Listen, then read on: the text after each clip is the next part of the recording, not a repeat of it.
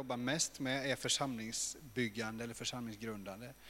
Eh, och jag möter olika församlingsrörelser och partners, eh, framförallt i Bangladesh och Indien. Och det är jättespännande. Men jag har också förmånen att få jobba med volontärer och praktikanter som kommer till Thailand eller kommer till någon av våra partners i de andra länderna. Eh, och då, då får man liksom först ha kontakt med mig och sen så hittar jag någon bra matchning med, mellan den som vill vara volontär och praktikant och, och våra partners. Då. Eh, jag började för två och ett halvt år sedan med en fantastisk resa tillsammans med Linda eh, som kom och eh, vi reste tillsammans i Bangladesh och i Thailand. Så lite sånt gör jag. Och jag säger detta därför att jag vill uppmuntra er att, att eh, tänka, men kanske ska vi komma och göra någon kortare eller längre volontärperiod i Asien. Och tänker du den tanken, redan där tänker jag, då kan du höra av dig till mig så kan vi liksom leta vidare och tillsammans se vad kan det vara för något i sådana fall. Yes. Jag vill börja med att läsa ifrån Lukas evangeliet kapitel 18. Om en blind man utanför Jeriko. Läser vi de andra evangelierna så förstår vi att den här mannens namn var Bartimaios. Men jag läser så här, vers 35 kapitel 18. När Jesus närmade sig Jeriko så satt där en blind vid vägkanten och tiggde. Han hörde en folkhop komma på vägen och frågade vad som stod på. Och man talade om för honom att Jesus från Nasaret gick förbi. Och då ropade han, Jesus, Davids son, förbarma dig över mig. De som gick främst sa åt honom att vara tyst, men han ropade ännu högre. Davids son, förbarma dig över mig. Jesus stannade och sa till dem, led fram honom. Och då kom mannen närmare och frågade Jesus. Och då frågade Jesus, vad vill du att jag ska göra för dig? Han svarade, Herre gör så att jag kan se igen. Jesus sa, du kan se igen, din tro har hjälpt dig. Genast kunde han se och han följde Jesus och prisade Gud. Och allt folket som såg det sjöng Guds lov.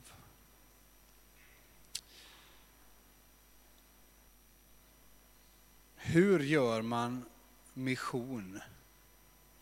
Jag tänker att vi har hört en hel del om mission i, i världen, i, i någon slags eh, större sammanhang. Vi som gemensamt samfund står i det här. Eh, men jag tänker att det finns en annan dimension också som handlar om dig och mig i det liv där vi lever här och nu. I våran villa eller våran trappuppgång, våran lägenhet, eh, vårt arbete eller vår skola. Hur gör man då?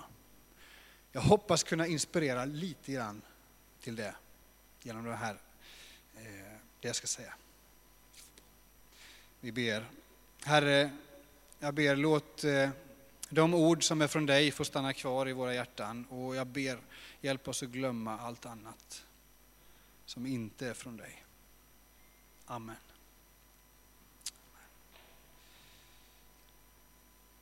Jag gjorde något dumt eh, under våren här.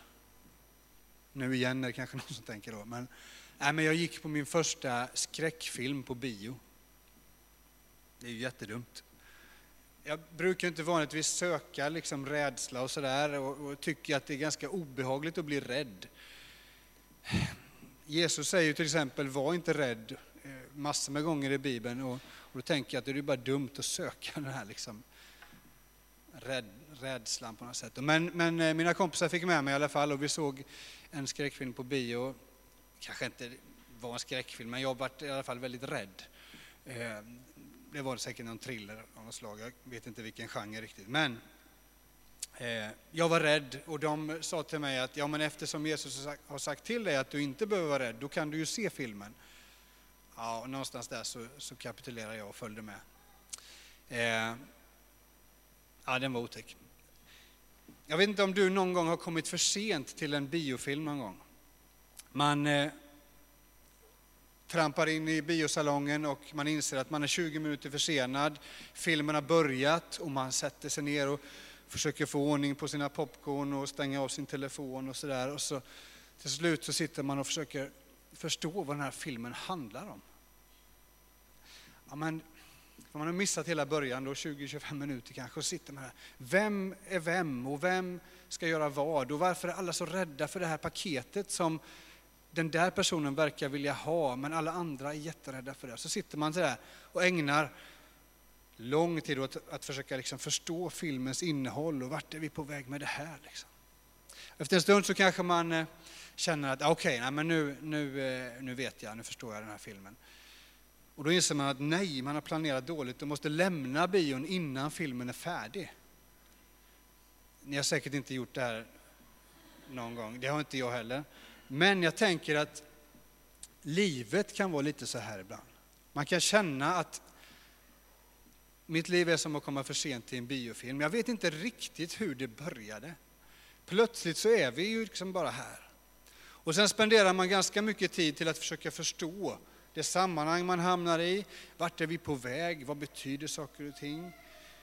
Man lär sig ända från barnsben att tolka signaler och tolka sammanhang och situationer. Och någonstans längs vägen så tycker vi att vi, ja men nu börjar jag få koll. Nu förstår jag vad livet handlar om. Och så inser man att man kommer ju ändå checka ut innan man liksom får vara med om slutet på något sätt. Va?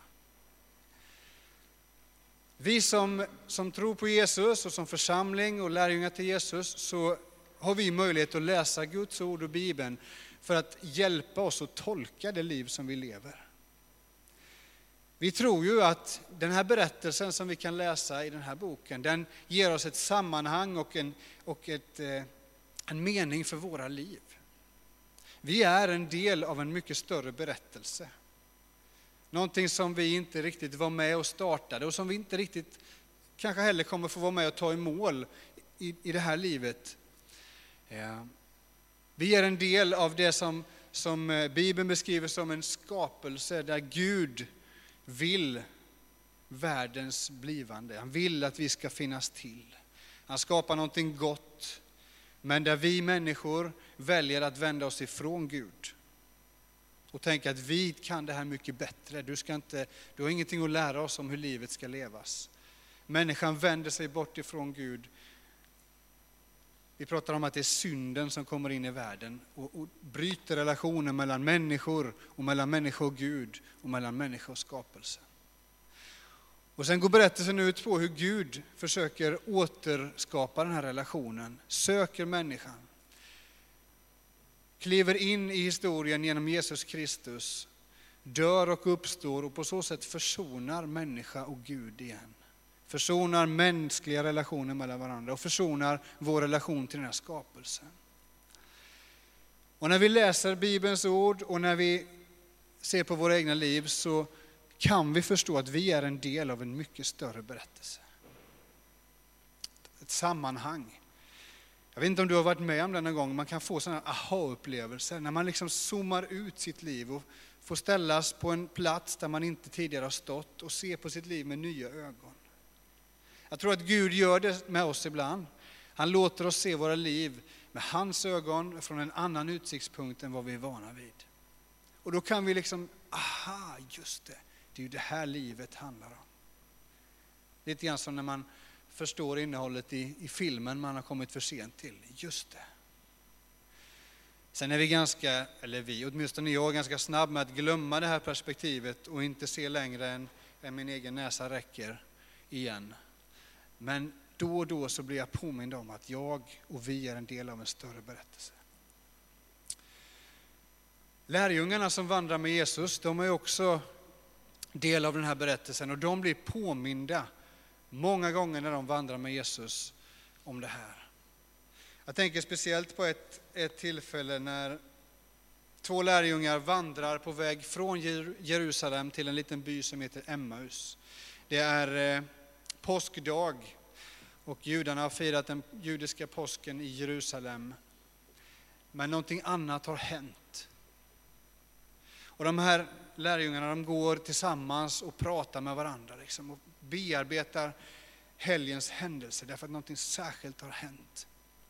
Plötsligt så får de följe av en annan man som de inte riktigt förstår vem det är, men, men han är där och det verkar som att han är ganska tyst i början. Men sen så frågar han, men hörni grabbar, vad är, vad är det ni går och pratar om? Och de säger till honom, du måste ju vara den enda personen i Jerusalem som har varit i Jerusalem i helgen och inte vet vad som har hänt. Och så, ja men vad har hänt? frågar han då. Och så börjar de här lärjungarna berätta. Jo, men det var ju den här profeten Jesus som vi trodde, och många med oss trodde att han var den som Gud har sänt till oss. Messias som vi alla väntade på. Men översteprästerna, de lyckades få honom utlämnad och till och med dödad. Men nu är grejen den att, att några kvinnor har varit vid graven i morse här och sagt att graven är öppen och graven är tom, han finns inte där längre. Ja, det lät ju så otroligt så vi, vi skickade dit några av våra egna gubbar för att liksom kontrollera det här. Och det var sant. Jesus var inte där, hans kropp var inte där och vi kan inte hitta honom någonstans. Och nu är vi otroligt förvirrade och det går vi och pratar om. Här bryter den okända mannen in och så säger han, men hörni, är ni så tröga till att tro på det som profeterna har sagt? Vad menar du? Kalla oss inte tröga. Jo, därför att det är ju det här, var det inte det som han pratade om väldigt länge? När ni vandrade med honom så pratade han om att det här skulle ske. Jo, men, ja. Och så börjar den här okände mannen, som vi så småningom förstår är Jesus själv. Han börjar att berätta för dem, återigen, troligtvis sånt som de redan visste. Utifrån profeterna med början i Mose, hos profeten Mose. Och berättar för dem om den stora berättelsen och sätter deras upplevelse i ett större perspektiv. Och så småningom förstår de att det är ju faktiskt denne Jesus som berättar det här för oss. Och de fylls av tro. Jesus har satt deras liv, han har talat tro och sammanhang in i deras liv. Och de blir överväldigade av glädje och struntar i Emmaus och springer tillbaka till Jerusalem för att berätta det här för sina vänner. Jesus talar tro och sammanhang genom att dela den stora berättelsen in i deras, deras berättelse. Som de just där och då har en ganska kort, kort utsiktsplats. De ser inte längre än dit näsan räcker. Men Jesus öppnar upp deras liv och sätter det i ett större sammanhang. Jag tänker att det finns många viktiga saker i den här berättelsen. Men en viktig sak är den fråga som Jesus ställer. Vad har hänt? Varför gör han det? Han om någon vet väl vad som har hänt i Jerusalem den här helgen. Han kan ge ganska detaljerad information om saker och ting. Han kan berätta för dem. Varför gör han inte det? Han skulle kunna säga, nej men grabbar, grabbar, så här är läget. Och så bara gå in och nästan skriva dem på näsan. Ni har ju hört det här innan, varför tror ni inte? Men han gör inte det, utan han börjar med att låta dem själva sätta ord på sin upplevelse, berätta hur de har haft det, vad är det som har hänt. Och när deras berättelse inte längre bär, när deras tro vacklar, så fyller Jesus på med tro och sammanhang in i deras liv genom att berätta, ja, men det är så här livet är. Det är det här sammanhanget som ni är med om. Jesus talar tro och sammanhang in i deras liv. Genom att ställa den här frågan och låta deras berättelse faktiskt stå för sig själv, men han fyller på. Jag tänker att jag och Jesus är lite lika här, med betoning på lite. Eh, vi gillar att fråga frågor till människor. Man kan tro att jag tycker det är roligt att prata om mig själv, men jag tycker inte att det är det roligaste. Även om det kan vara roligt att prata. Men att fråga andra människor, vem är du, vad gör du, varför är du här och hur kom det sig att, att du valde det här och sådär. Det är ju jättespännande. Fråga saker. Det är inte lika roligt att prata om mig själv tycker inte jag. Och Jesus är ju likadan, han är ju full av frågor till de människor som han, som han möter. Vad har hänt? Vem säger ni att jag är? Vill du bli frisk? Var ska vi hitta mat till alla de här människorna? Har du mig kär? Eller ska ni också lämna mig? Det är klart att Jesus undervisar mycket, men han ställer också de här frågorna som öppnar upp för människor att få sätta ord på sina egna behov, sin egen berättelse och sina liv. Jag tänker att Det här är ett svar på hur man gör bra mission eller bra evangelisation eller vad man nu kallar det. I sin närhet, där man bor och där man är, att ställa frågor till människor som öppnar upp för ett samtal och där man sen kan få hjälpa människor att få ha en sån här Emmaus-upplevelse. Vi läste om Bartimaios i början här, den blinda tiggaren utanför Jeriko. Hur Jesus är på väg mot Jerusalem, mot den sista, sista eh, påsken som han firar innan, innan sin död och uppståndelse. Och Jesus har precis korsat Jordanfloden. Och det är inte vilken, vilken vandring som helst han gör där. Vi läste att det var mycket människor som följde honom och mycket ståhej och tjo och kim kring det här. En hel del följde Jesus därför att de trodde att han var den Messias som, som eh, de väntade på. Och andra följde med och var lite mer skeptiska och kanske ville sätta dit Jesus för någonting eh, så att de kunde få honom ur vägen. Det var en blandning av folk som följde Jesus. Men Jesus och hans lärjungar har tagit vägen över Jordanfloden för att komma upp mot Jeriko. Och det är inte vilken väg som helst. Utan det är samma väg som Josua tog med folket, med Israels folk, när de skulle inta Jeriko och ta det land som Gud hade gett dem i besittning. Så när eh, Bartimaeus Bartimaios ropar Davids son förbarma dig över mig, då är det ett ganska tydligt politiskt uttalande där människor börjar kunna förstå att aha, han gör, gör anspråk på att vara kung över Israel, kung över judarna. Därför vill man väldigt gärna tysta Bartimaios. Det här kan orsaka trubbel innan Jesus kommer till Jerusalem. Vi måste hålla honom tyst så inte folkmassan här börjar ana vad som är på gång och börjar tro att Jesus utnämner sig till kung i den här världen. Men de kan inte tysta Bartimaios därför att han förstår att det är Jesus som kommer och han har en längtan att få möta med Jesus. Så han ropar ännu högre. Jesus, Davids son, förbarma dig över mig. Och Jesus kallar Bartimaios till sig och eh, ställer frågan, vad vill du att jag ska göra för dig? Varför ställer han den frågan? Är det inte självklart att han, att han vill kunna se igen? Och kanske. Men jag tänker också att det finns en, en stor poäng med att Jesus låter Bartimaeus få sätta ord på sina egna behov. Det kunde ha funnits en annan familjemedlem eller någon annan människa på Bartimaeus hjärta.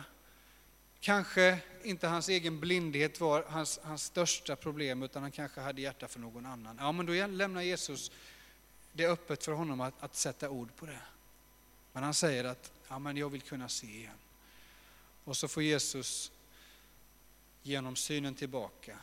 Och han fylls av, av tro och glädje och börjar följa Jesus han också. Vad vill du att jag ska göra för dig? För Gud är det väldigt viktigt att vi får uttrycka oss själva inför honom. Gud är väldigt intresserad av vad du och jag tycker och tänker och känner och upplever. Oavsett hur det ser ut. Oavsett hur, hur våra behov och vad vi tänker och tycker, hur det ser ut. Det kan vara de, de värsta tankar vi kan tänka, men Gud är ändå intresserad av dem och vill höra. Det kan vara jättefina tankar, Gud vill höra det också. Eh, vitsen är att Gud vill att vi ska, vi, ska, vi ska mötas och att det ska uppstå relation. Jesus gör det väldigt tydligt i Getsemane när han ber för sitt liv. Herre, finns det någon annan väg så vill jag ha den vägen. Men finns det inte det, då, då dricker jag den här bägaren och gör det som är planen. Men Jesus uttrycker faktiskt inför Fadern att jag, jag vill nog inte det här. Men, men ske din vilja, ske inte min vilja. Han underordnar sig Herren. Eh, och Gud vill gärna höra våra önskningar, våra tankar och idéer. Men vi får också underordna oss den som vet hur livet ska levas. Den som har skrivit den stora berättelsen, den som fortfarande älskar sin skapelse.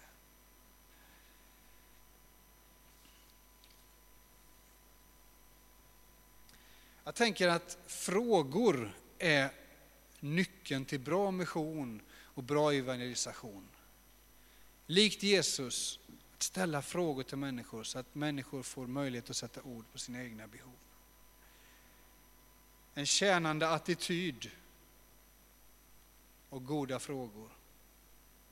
Det är ett gott lärjungaskap. Jag tänker landa nu i två, två, två utmaningar till dig. Det första är att kanske finns du här som upplever att du har kommit liksom lite för sent till biofilmen och inte riktigt får ditt liv i ett sammanhang. Jag skulle vilja uppmuntra dig att be Gud att, att ge dig den stora berättelsen och din, sätta din berättelse i den här. Så att du kan få, få förstå Guds plan och Guds tanke för ditt liv. Och att en mening får landa i ditt hjärta. Vi får ständigt be, eh, Gud, Gud frågar ständigt oss, vad kan jag göra för dig? Vi har en tjänande Herre som, som vill betjäna sin skapelse. Vad kan jag göra för dig? Men han uppmuntrar oss också att leva med den här frågan på våra läppar till våra grannar, till våra människor som vi möter. Vad kan jag göra för dig? Hur, hur är det med dig? Vad, är, vad händer i ditt liv? Varför är du här?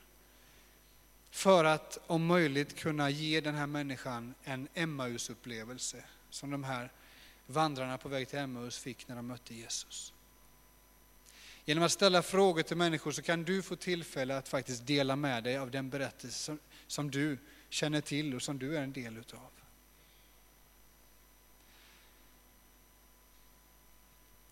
Be Gud sätta ditt liv i ett större sammanhang. Så att du får, får koll på vad det är för film ditt liv handlar om. Be Gud att han ska uppmuntra dig och hjälpa dig att ställa frågor till människor så att du kan få vara ett vittnesbörd och hjälpa människor att få en Emmaus-upplevelse i sina liv. Vi ber. Herre, tack för de frågor som du ställer till oss. Tack att du är hjärtligt intresserad av våra liv. Både våra segrar och våra nederlag, både det som är mörkt men också det som är ljust. Du vill veta allt och du vill höra oss sätta ord på det. Tack att du ständigt frågar oss vad du kan göra för oss. Och jag ber att vi ska lära oss utav det, att ställa den frågan vidare till människor som vi möter. Tack att du är en levande Gud som skriver historien, som eh, har berättat den stora berättelsen för oss och att du ständigt älskar. Att din berättelse är en kärleksberättelse om hur du längtar efter varje människa i den här världen. Att få återkomma till dig, att få relationer helade och upprättade. Tack Jesus. Amen.